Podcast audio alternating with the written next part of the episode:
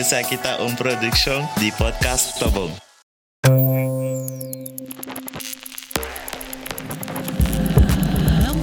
Als later nieuws. Als later nieuws. Als later nieuws. Hallo allemaal, ik ben Hein Sassen. Ik ben vader, ik ben echtgenoot en ik maak deze podcast omdat ik wat te vertellen heb. Sinds een half jaar heb ik de diagnose kanker, niet te genezen. Tja, dan word je geconfronteerd met, met alles. Alles is anders, je leven, je omgeving, de wereld. Nou, daar gaat dit verhaal over. Welkom bij Als Later Nu Is. Over de confrontatie van Hein, een jonge vijftiger met een verwoestende diagnose dodelijke kanker. In deze serie zullen we het verhaal van Hein en zijn gezin horen. Thema's die bovenkwamen tijdens slapeloze nachten zullen besproken worden. Welkom bij Als Later Nu Is. En welkom Jasper, zoon Goedenavond voor jou, uh, goedemiddag. en gesprekspartner deze keer. Ja, dankjewel. Eh, ik heb jou uitgekozen omdat we het deze keer over strijd hebben. En eh, strijd is iets waar jij je graag mee bezighoudt. Op sportief niveau ga jij zelf graag de uitdaging aan. Ehm, noem er eens een paar. Ironman. Ik ben momenteel aan het trainen voor een ultramarathon. Ik hou wel van een stukje zwemmen. dus eh, sportieve uitdagingen, vaak lange, lange duurtrainingen. En eh, op professioneel niveau ben jij als toegepast psycholoog ook bezig met lichaam en geest en hoe die elkaar beïnvloeden. Ja, dus eh, ja, het fysiek trainen, eh, dat is één ding. Maar inderdaad, de mentale strijd, eh, ja, die overwinnen, dat, dat is wel iets wat ik heel interessant vind. Ja. Maar eerst eh, een moeilijke vraag als mijn zoon. Mijn eh, ziekte heeft natuurlijk eh, invloed op jouw dagelijks leven. Kijk je anders tegen het leven aan? Uiteraard. Ehm, ten eerste hoor je het nieuws. En dat is nieuws waarvan je eigenlijk altijd denkt... dat overkomt ons niet. Dat, dat is een ver van onze bedshow. En opeens is het er. En ja, moet je daarmee dealen en besef je opeens van... tijd is iets, is iets heel kostbaars. Nou, en dan is het eerste wa- wat het ook lastig maakt... is de afstand natuurlijk. Dus eh, ja, we zitten 6000 kilometer uit elkaar... En dan merk je toch dat die afstand eh, de, de, de situatie ook moeilijk maakt. Dat je de ene kant heel weinig van meekrijgt. En dat is eigenlijk ook een hele fijne koping, om het zo maar te zeggen. Omdat je er weinig van meekrijgt. Dus eh, kan je het makkelijker van je afzetten. En is het ook makkelijk om die pijn niet toe te laten. Aan de andere kant, de, de tijd die wij hebben samen, die, die wordt opeens heel beperkt. En we zien elkaar veel minder. Ja, dat brengt, dat brengt heel veel angsten met zich mee ook wel. Eh, waar, ja, waar, je ook wel, waar ik ook wel nachten van, van wakker lig. En eh, ja, wanneer zien we elkaar dan weer? Zien we elkaar nog? Eh, ja, dat, dat zijn gedachten waar je mee worstelt. Ja. Hoe is dat voor jou? Ja, voor mij is dat een enorm dilemma geweest, die afstand. Mijn eerste gedachte na de, de uitslag van de, van de diagnose was... eh, ja, ik, ik ga naar Nederland toe. Ik ga naar, eh, naar eh, mijn familie toe en mijn, eigen, mijn kinderen. En dan ga ik daar zitten. Maar ja, inderdaad, dan ga je daar zitten. Maar dan zit je te zitten. En, en mijn leven lag op dat moment in Bonaire. Dus ja, dan kan ik natuurlijk wel in Nederland gaan zitten wachten tot er wat gebeurt. Tot uiteindelijk misschien de dood erop volgt. Maar dat is niet eh, hoe, ik, eh, hoe ik leef. Ik wil wou gewoon leven. Dus eh, heb ik besloten om het leven te blijven leven zoals ik het leefde. En op het moment dat er andere dingen gebeuren, of dat ik verslechter, of dat het met mij minder goed gaat, dat ik dan een, een nieuwe keus ga maken. Het was geen reden voor mij om, om meteen op stel en sprong naar Nederland te gaan. Inderdaad. Dat gaat misschien nog gebeuren, maar Ik snap de keuze wel. ja. Dat ondanks, ja, het is een super lastig dilemma. En natuurlijk, ja, wij willen jou hier, hier, hier heel graag hebben. Ja, maar eh, ja. eh, ja, eigenlijk precies zoals toen wij... eh, ik weet nog dat jij me voor het eerst belde dat je naar Bonaire ging.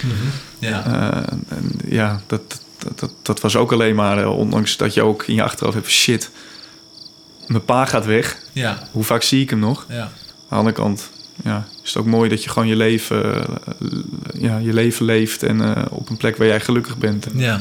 dat is ook belangrijk. Misschien Ja. is dat nu wel het belangrijkste.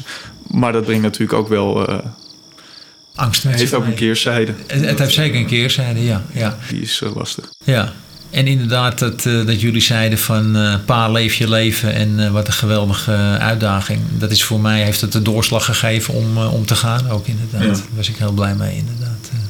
Dat jullie mij die eh, opportunity boden. Ja, het heeft ons ook veel moois gebracht. Ook dat nog eens, ja. ja. ja. Zo heeft alles inderdaad zijn voor- en zijn nadelen. Nou, er is iets wat geen voordelen heeft en dat is kanker. Hoe zou het leven zijn zonder pijn? Voor de meeste mensen is dat gewoon hun leven. Je hebt je been gebroken, pijnlijk natuurlijk, maar over een aantal weken dartel je weer vrolijk rond. Wij, de pechvogels, hebben niet het gevoel dat het weer overgaat. De rest van ons leven niet. Wij zijn professionele pijnleiders. Pijn gaat samen met strijd. Ik heb geprobeerd fysieke pijn met strijd te bestrijden, maar dat was een verloren strijd. Heerlijk dan, die farmaceutica. Ik heb op dit moment een geweldige pijnstiller die mijn lichamelijke pijn vrijwel helemaal onderdrukt. Er zijn mensen die vinden strijd fijn, de hobbypijnleiders. Die zoeken de pijn tijdelijk op om tegen te strijden. Zij trainen om de mentale strijd aan te kunnen op lichamelijk, cognitief, emotioneel en spiritueel niveau. Sterker nog, er zijn mensen die zeggen dat je lichaam bestuurd wordt vanuit je geest en je dus lichamelijke processen kan beïnvloeden vanuit de geest. Ik ben in. Laten we kijken wat ik kan bereiken. Is pijn fijn? Pijn is fijn. Serieus? Ja, nou, daar kan ik eh, makkelijk antwoord op geven. Voor mij is pijn eh, fijn. Eh, en dan heb ik het wel over, over eh, voor mij is pijn, eh, als, ik, als ik pijn dan definieer, is het inspanningspijn. Dus als ik aan het sporten ben, ja, dan wil ik mezelf pijn doen. Omdat ik dat nodig heb om te groeien. Omdat ik het nodig heb om fitter te worden. Mezelf daarmee belastbaarder maak. Ik verhoog mijn veerkracht. Dus voor mij is pijn fijn en ben ik ook altijd op zoek naar pijn. Maar volgens mij zie jij dat iets anders. Ja, inderdaad. Eh, dat zie ik inderdaad anders. Eh, Want pijn is in mijn eh, geval compleet nutteloos. Want ik, ik hoef geen signaaltje van mijn lichaam dat er iets aan de hand is. Want dat weten we ondertussen al. Dus wat mij betreft mag de pijn nu uit. Eh, we begrijpen natuurlijk allebei dat onze vormen van pijnbeleving totaal verschillend zijn. Jij maakt, jij maakt er gebruik van en ik, ja, voor mij is het een stoorzender. Uiteindelijk willen we beide toch van af zijn van die pijn. Ik vraag me wel af, hoe, hoe, hoe keek jij naar pijn voor jouw diagnose en hoe kijk je daar nu naar? Nou ja, ik, ik, ik ben nooit van de medicijnen geweest. Dat heb ik eigenlijk van, eh, van vroeger meegekregen. Wij kregen niet eh, altijd 1, 2, 3 een aspirintje. We moesten er altijd even doorheen. We moesten er even mee, mee leven. Ja. Later heb ik wel de paracetamol ontdekt. En ik dacht van, hé, hey, dat is eigenlijk ook wel makkelijk. je moet niet altijd al alle pijntjes maar aan moeten gaan. En eh, ja, sinds mijn diagnose ben ik daar veel bewuster mee bezig. In het begin heb ik inderdaad ook nog eh, gehad van eh, niet te veel slikken en die pijn aangaan. En weten waar mijn grenzen liggen. En dat heb ik nu eigenlijk ook nog. Ik heb nu dus die fentanylpleisters. Ik zit nu te denken om mijn, mijn fentanyl-dosis dan weer omlaag te doen. Bijvoorbeeld om zo'n pleistertje misschien een keer door midden te knippen. Om te kijken van, goh ja, hoe ver kan ik gaan? Hoe ver kan ik naar beneden zakken? En hoeveel pijn heb ik nou eigenlijk? Want ik wil graag controle hebben. Ja. En eh, op het moment dat alles maar onderdrukt wordt, dan, dan heb je helemaal geen controle. Beetje de grens opzoeken van Ja. waar, eh, welke pijn eh, of wanneer voel ik pijn en wanneer is die verdraagbaar. En wat is echte pijn? En wat is breinpijn? Zoals ik het noem, pijn die je denkt te hebben. Je bent natuurlijk je eigen, eigen pijnmeter. Want pijn is relatief. En het verschilt heel erg van, van persoon tot persoon. Ja. Dus ja, die, die, die eigen pijnmeter voor jou, die moet je ook af en toe eiken. Weer even resetten als het ware.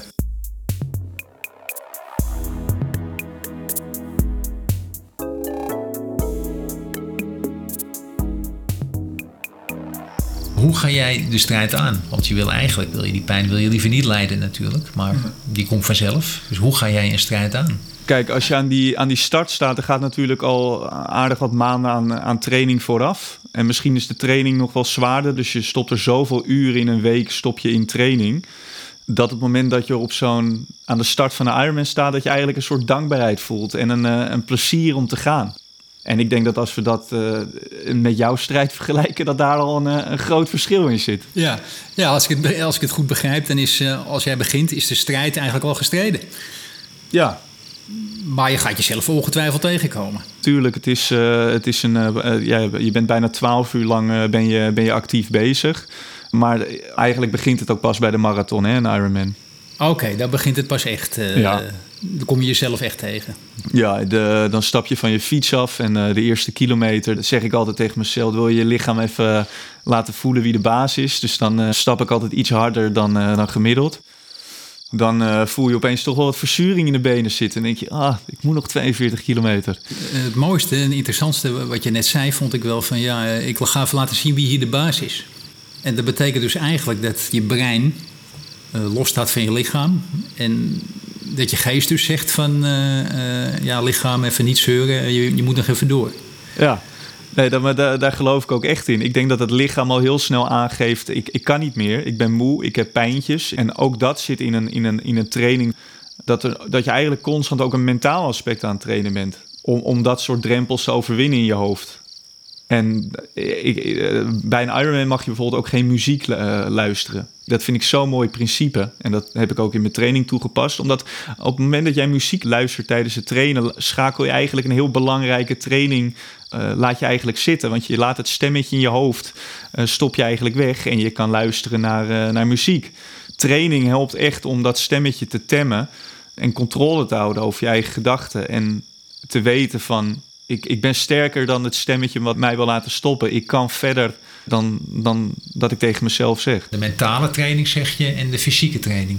Zijn het andere voorbereidingen? Nou, eigenlijk is dat altijd wel in één training te verwerken. Dus bijvoorbeeld een, een hardlooptraining van, nou, laten we zeggen, een uur, twee uur, drie uur. En, en, dan begint eigenlijk de mentale strijd. Het kan zomaar zijn dat je tijdens het hardlopen denkt: oh, het gaat lekker, dit wordt een uh, simpele dag. En nog even vijf minuten later ontstaat er een pijntje in de kuit. En moet je daarmee dealen. Uh, en dan begint de mentale strijd. Dan begint de mentale training. Ja. Um, dus die lopen synchroon. Dus eigenlijk een fysieke training gaat vanzelf over in een mentale training. Ja, absoluut, ja. absoluut. Het is niet zo dat je daar aparte, losstaande trainingen voor hebt. Dat je bijvoorbeeld gaat, gaat, uh, gaat mediteren of zo. Uh, twee uur lang om jezelf te pijnigen. of, Uh, nou, ik heb toevallig wel eens in een monnikenkamp gezeten... waar ik mezelf uh, zeven dagen lang heb gepijnigd met, met mediteren. Dat was absoluut ook een mentale strijd. Um, maar ja, natuurlijk is dat ook naast uh, fysieke training te trainen. Um, en ik mediteer wel eens, maar het is niet iets. Uh, ja, ik zie het wel echt als. Tijdens mijn hardlooptraining zie ik ook echt wel als een mentale training ook. En,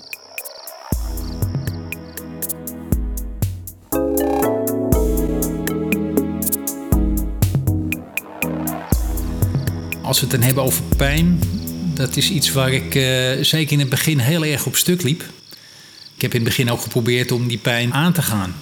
Ja, een aantal paracetamolletjes uh, slikken. Uiteindelijk werkt dat niet meer. Dan moet je over op zwaardere middelen. Hmm. En uh, ging ik over op oxycodon. Dat is een behoorlijk zwaar middel. En dan was ik de hele dag aan het rekenen, want ik wou vooral niet te veel gebruiken. Ik ben niet zo van de pilletjes en van de medicijnen. Bovendien had ik er ook heel veel bijwerkingen bij, dus het, het gaf ook weer uh, nieuwe pijntjes. Ja, mijn doel was om, om toch met zo weinig mogelijk uh, te slikken, zo, ja, zo weinig mogelijk pijn te hebben. Hmm. Het te proberen op een mentale manier ook aan te gaan. Maar dan lag je s'avonds in bed en dan probeer je afleiding te zoeken. Afleiding is, ja, net zoals naar, bij een training naar muziek luisteren. Door naar podcast of naar YouTube-filmpjes te kijken tot je in slaap valt. Dat hielp ook wel. Tot op een gegeven moment ik een uh, oncoloog trof. Die zei van, nou, we, hebben nu wat anders. Oxycodon die werkt bij jou misschien niet zo goed. En toen kreeg ik pleisters. Fentanyl. Toen was eigenlijk dat hele pijn-issue was gewoon weg. Ja. Want uh, met veel minder uh, dosering had ik veel minder pijn.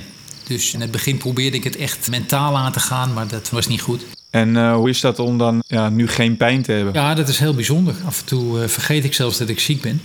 Dan word ik snel weer teruggefloten. Ik heb uh, van de week het huis gedwijld en ik heb smiddags nog gewindsurfd.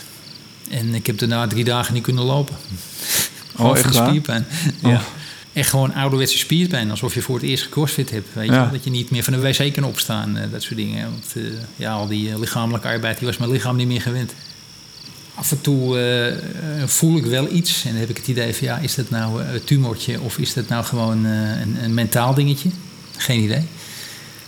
Maar er zijn heel veel momenten dat ik dus, dus niks voel. En er heel gelukkig van word, inderdaad.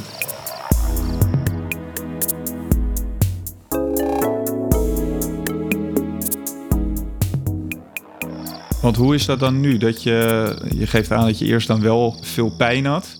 Klinkt alsof je ook echt wel controle daarover wilde hebben door eh, de, de juiste balans in medicatie te Mhm. vinden. Maar dan krijg je een pleister en is er Ja. geen pijn meer. Dat lijkt me ook een hele gekke overstap. Is er dan ook opeens meer ruimte voor mentale pijn of zo? Het mooie van die, van die pleister was dat die echte fysieke pijn, die wordt, eh, wordt weggehaald. Wat eh, ruimte geeft voor inderdaad die mentale pijn. En dat is een strijd die ik nu dus voer. En, waar ik inderdaad aan het zoeken ben van ja, hoe kan ik mentale kracht trainen, ontwikkelen. Zodat ik daar eh, beter tegen bestand ben. En dat, dat vind ik zo interessant aan die, aan die boeken van, van Di Carter en van, van Dennis van Miltenburg. Dat, dat je jezelf tegenkomt, maar met, met, met je gedachten ontzettend veel kan sturen. Ja. En Dennis eh, die gaat er helemaal ver in. Die zegt van ja, je kan zelfs eh, bepaalde hormonale processen en, en eh, hoe het met je cellen werkt, is geheel afhankelijk van hoe jij je voelt. Ik denk dat heel veel aandoeningen ook komen uit de geest. Door, eh, door negatieve gedachten of door stress. Absoluut. Ja. En ik vind het eh, mateloos interessant om te zien dat, ja, stel je hebt dan een ziekte, hoe kan ik dat dan mentaal, buiten dus medicatie, eh, te lijf gaan? Want na die begintijd met, met de pijntjes kwam natuurlijk de chemo. Ja, de chemo was ook een soort strijd, maar dan wel met een eindtijd. En dat was dan wel bijzonder, want dan, dan zit je drie dagen in de chemo. En dan weet je gewoon van oké, ik ga drie dagen ziek zijn. Daarna nog, eh, ben je weer thuis, ben je nog een aantal dagen ziek. En dan heb je wel een soort, soort uitzicht, een soort puntje van oké, als ik daar dan weer doorheen ben, dan ga ik me weer goed voelen. En dan ga je weer opladen voor de volgende, volgende chemo. Dat is, dat is elke keer weer een strijd op zich, inderdaad. En hoe ziet die strijd tijdens die 48 uur uit? Want dat, dat vind ik ook al best wel lange tijd. Ja, 48 uur is een lange tijd. Er zit ook twee keer slapen in. Hè? Je overnacht twee keer in het ziekenhuis. En dan hebben we weer wat afleiding. Dan gaan we weer een vlucht doen eh, naar huis. En eh, dan, ga je daar de volgende strijd aan. Maar die is alweer een stuk makkelijker, omdat je dan eh, veel mobieler bent in ieder geval. Dus dan probeer je het op te lossen met. het gaat altijd om afleiding. En op zich zijn dat geen zware pijnen tijdens de chemo. Het is allemaal meer ongemakken, zoals diarree en, en overgeven en dat soort dingen. Maar wel belastend natuurlijk. En dat is eh, iets wat je ook aan moet gaan. Wat waren daarin de tegenslagen? Wat ik heel vervelend vond waren de geuren, want die- kon ik niet buitensluiten. Ja. Ik geloof dat bij de, bij, de, bij de zevende of achtste keer had ik een soort Pavlov-effect. Op het moment dat ik het ziekenhuis binnenstapte, moest ik al overgeven. werd ik al misselijk. En eh, ik, ik, eh, ik zou dus in het begin dus bijvoorbeeld acht, acht kuren doen. En na de achtste kuur kreeg ik een, een bericht van... Ja, het gaat zo goed, mijn lichaam reageert nog zo sterk daarop... dat ik er nog vier bij kon doen. En dat was bijvoorbeeld voor mij een hele moeilijke. Omdat ik dacht van nou, eh, ik heb echt naar die acht toegewerkt. Nou eh, moet ik er nog vier. En ik wou, ik wou er absoluut gewoon nog vier doen. Omdat ik denk van ja, het is goed. Dus, eh, dus alles wat goed is, moet ik doen. We moeten door. Die negende, dat was best wel een, een taaie. Alhoewel ik minder last had van bijwerkingen, was het mentaal best wel een, een zware. Wat maakt het zwaar? Ja, je moet, je moet steeds meer de, de strijd aangaan met hevigere bijwerkingen. Ja, dus het begint eigenlijk met een, eh, met een, met een eh, fysieke strijd, om het zo maar even te zeggen. Dus een, eh, een fysieke belemmering, Ja. die eigenlijk vervolgens voor een mentale strijd zorgt. Het is heel belangrijk om te proberen dat, dat pieken te voorkomen. En dat je dan voor afleiding gaat zorgen. Elke keer weer proberen het hoofd ergens anders te zijn dan waar je eigenlijk bent. Dus jezelf uit de situatie plaatsen. Ja, precies. Want, want je, je, hebt het, je hebt het nu inderdaad over in een, in een staat van focus komen. En, eh, jezelf uit de situatie plaatsen. Maar, maar hoe doe je dat? Ik denk dat dat een, eh, een kwestie is van, van tijd. Het duurt altijd even voordat je je, je focus hebt. Of, of juist je focus verliest. Ik weet dat als je een eh, mobiele telefoon hebt en, en je bent ergens mee bezig... en in je, in je telefoon die, eh, die geeft een pushbericht... dat je even afgeleid bent met datgene wat je aan het doen bent. En dat je echt 30 seconden of tot een minuut nodig hebt... om weer in je concentratie te komen. En dat- datzelfde geldt denk ik van jezelf uit de situatie plaatsen... is, eh, is dat eh, inderdaad eh, gedurende een bepaalde tijd afleiding zoeken. Ja, die pijn in ieder geval geen stem te geven. En dat, dat, dat, dat is bij jou natuurlijk... eh, jij zit er ook 48 uur. Maar het zou anders zijn als jij bijvoorbeeld geen mogelijkheid tot Netflix hebt... of, of iets anders, dat je echt daar alleen zit. Maar je- Ja, ja Dus dat is niet helemaal waar. niet- niet- Eh, want want eh, zeker bij mijn laatste, la- laatste chemo's... ehm, waarbij ik bij de eerste chemo's nog wel vrij, eh, vrij fris en fruitig was. Bij mijn laatste chemo's was ik wat minder, minder fris en fruitig. En heb ik niet zoveel meer... ik kon niet meer lezen. Netflix kon nog wel. Maar ik kon niet echt meer. eh, meer eh, du- dus de afleiding zoeken, die, die was ook wat beperkter. En vaak lag ik ook gewoon eh, aan dingen te denken. En, en zo mijn, mijn gedachten te verplaatsen en mezelf ergens anders naartoe te verplaatsen. om de tijd sneller te laten gaan. Het, Oh, interessant. Dus ook wel met, met toch, toch ook wel met, met, met bepaalde, jezelf dwingen om bepaalde gedachten te hebben om, Ja. om ja, met die uitzichtloosheid te dealen. Klopt, ja, inderdaad. En, en dan niet meer de puff te hebben om een boek te pakken of, eh, of, Nee, precies. of een, een spelletje op je telefoon, weet ik veel, whatever. Eh, maar gewoon eh surf zijn, in je bed leggen.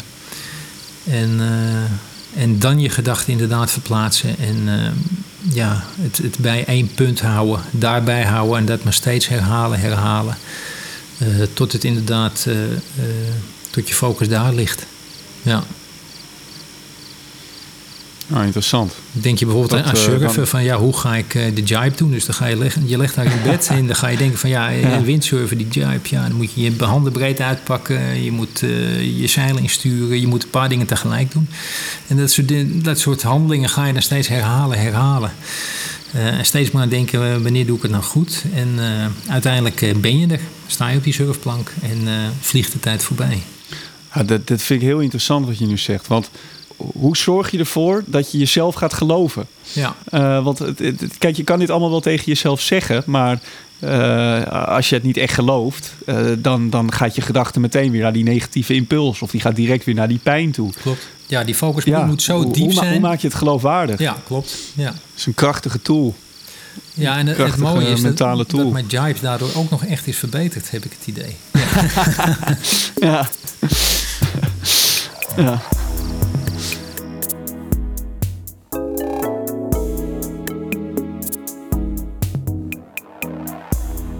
Wat ik wel interessant vind wat je zegt, is dat je dus ook in kleine stapjes verdeelt. Dat doe je dus nu met die 48 uur ook. Ja, Maar je zei, mijn voorbereiding is ook, eh, dat, dat helpt mij heel erg om, om dat soort situaties te voorkomen. Heb je dat nu ook met die 48 uur? Dat je een bepaalde voorbereiding hebt om eh, wellicht te dealen met, eh, of beter te kunnen dealen met de geur of eh, met de pijn? Eigenlijk de 48 uur lange strijd. ja, ja, zeker wel. De eerste keer ging ik er vrij onbevangen in. Toen had ik mijn mijn laptop bij me. Ja, En ik had mijn e-reader bij me. En ik had boeken bij me. En ik had van alles bij me. Ik denk van ja, ik ga daar liggen. En ik ga gewoon lekker een beetje boekjes lezen. En, en een beetje achter de computer. Een beetje Netflixen. En eh, nou, voor de rest eh, hang je het infuus. En eh, ja, laat maar komen. Nou viel het de eerste keer, heb ik inderdaad wel op mijn gezeten en heb ik inderdaad ook wel genetflixt. Dat werd steeds moeilijker. Het werd steeds moeilijker om, om me te concentreren, om te lezen.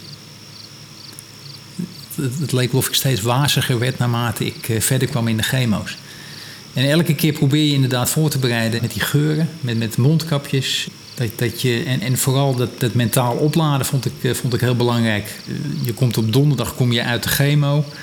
Daar zit er een weekje tussen, waarbij je ongeveer op eh, woensdag alweer een beetje opgeknapt bent.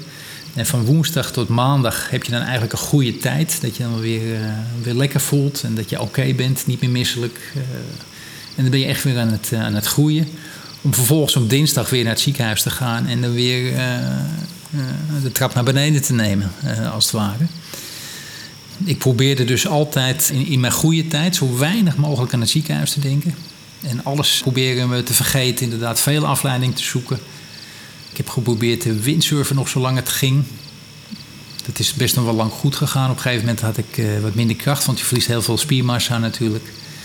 Maar ik probeerde wel nog wel wat te sporten in mijn goede tijd. En pas op de maandag, de dag voordat ik dus naar het ziekenhuis moest, op te peppen met van ja, ik moet eh, dat toverdrankje nemen en het is goed voor me.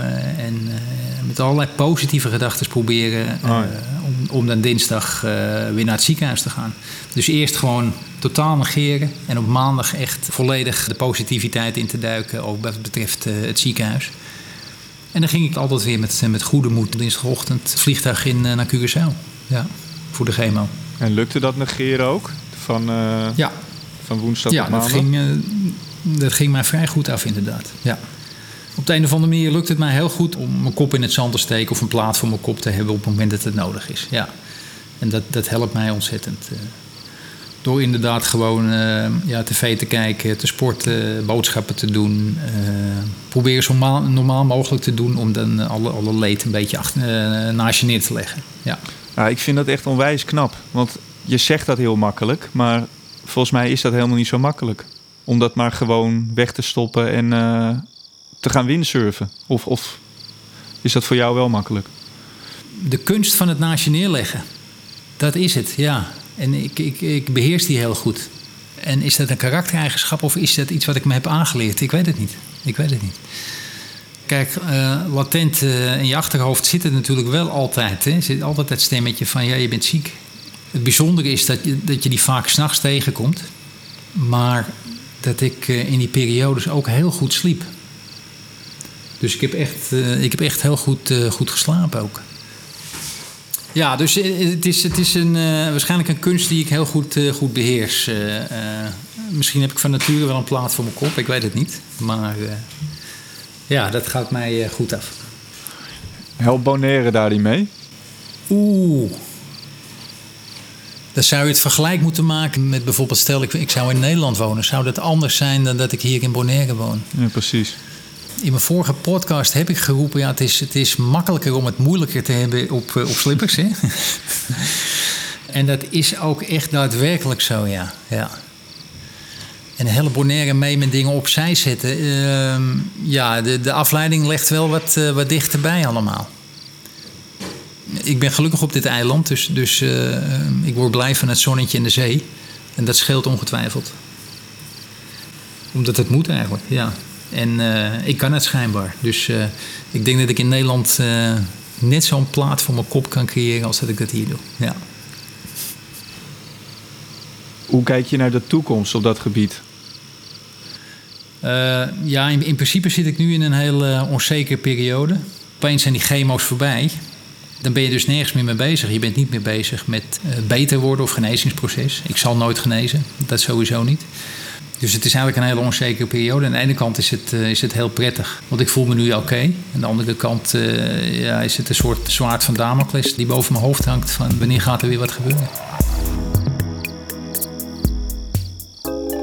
Ja, toch wel eh, bijzonder dat ik pijn nog steeds niet fijn vind. En dat het voor jou echt een, middel is om, om tot grote hoogtes te stijgen. Maar eh, wat bijzonder is, is dat de manier waarop wij met pijn omgaan, oftewel de strijd, dat daar toch zeker wel bepaalde raakvlakken in zijn. jij die de pijn ervaart voor, voor prettige dingen en ik de pijn voor er is iets aan de hand met mij. Zo hebben we uh, ja, bepaalde tools om, om met die pijn om te gaan. Die, die lijken wel erg op elkaar. Uh, nou, wij, wij, zijn dus beide hebben een bepaalde voorbereiding. Dus ik voor mijn sportieve events bereid ik me voor. En, dat, en jij Klopt, ja. ja, bereid je voor, voor de chemo. Ja. Gedurende die, die, die chemo uh, ja, stel jij dan uh, doel, doelen voor jezelf? Klopt, ja. Uh, om, om de tijd door te komen. Nou, dat, dat doe ik ook. Ja. Eigenlijk uh, visualiseren we beide. Ja. Dus we, we, ja, we halen onszelf uit de situatie om... om ons in een prettigere situatie neer te zetten. Ons om, precies, om positieve gedachten te hebben. Ja. Uh, dus er zit best wel raakvlak in. Inderdaad, bijzonder. Ja. Alleen uh, toch op een andere manier. Dus wel interessant om dat zo, uh, zo vanuit jou te horen. Dat, dat eigenlijk de, de methodes, dat daar echt wel draagvlak in zit. Maar dat we het toch op een andere manier toepassen. En ondanks dat het een andere, andere perceptie van pijn is, dat, ja, dat je wel dezelfde, dezelfde mentale tools gebruikt om, om, om, om te dealen met pijn. Mooi dat ik met jou over strijd en pijn heb mogen praten. Verder wil ik nog zeggen dat ik ontzettend trots ben op al die sportieve prestaties die jij levert en de manier waarop je dat doet. En ik ben ook trots op wie jij bent. Uiteindelijk gaat strijd niet altijd gepaard met winst. En uh, ja, zoals het er naar uitziet, uh, zal ik mijn strijd niet kunnen winnen. Maar ik hoop nog veel met jou over strijd en pijn. En ook over andere dingen natuurlijk te kunnen praten. Ja, over strijd praten is, uh, is leuk. Maar uh, over verliezen praten, dat. Uh, of het einde van een strijd, dat vind ik moeilijk. Dankjewel.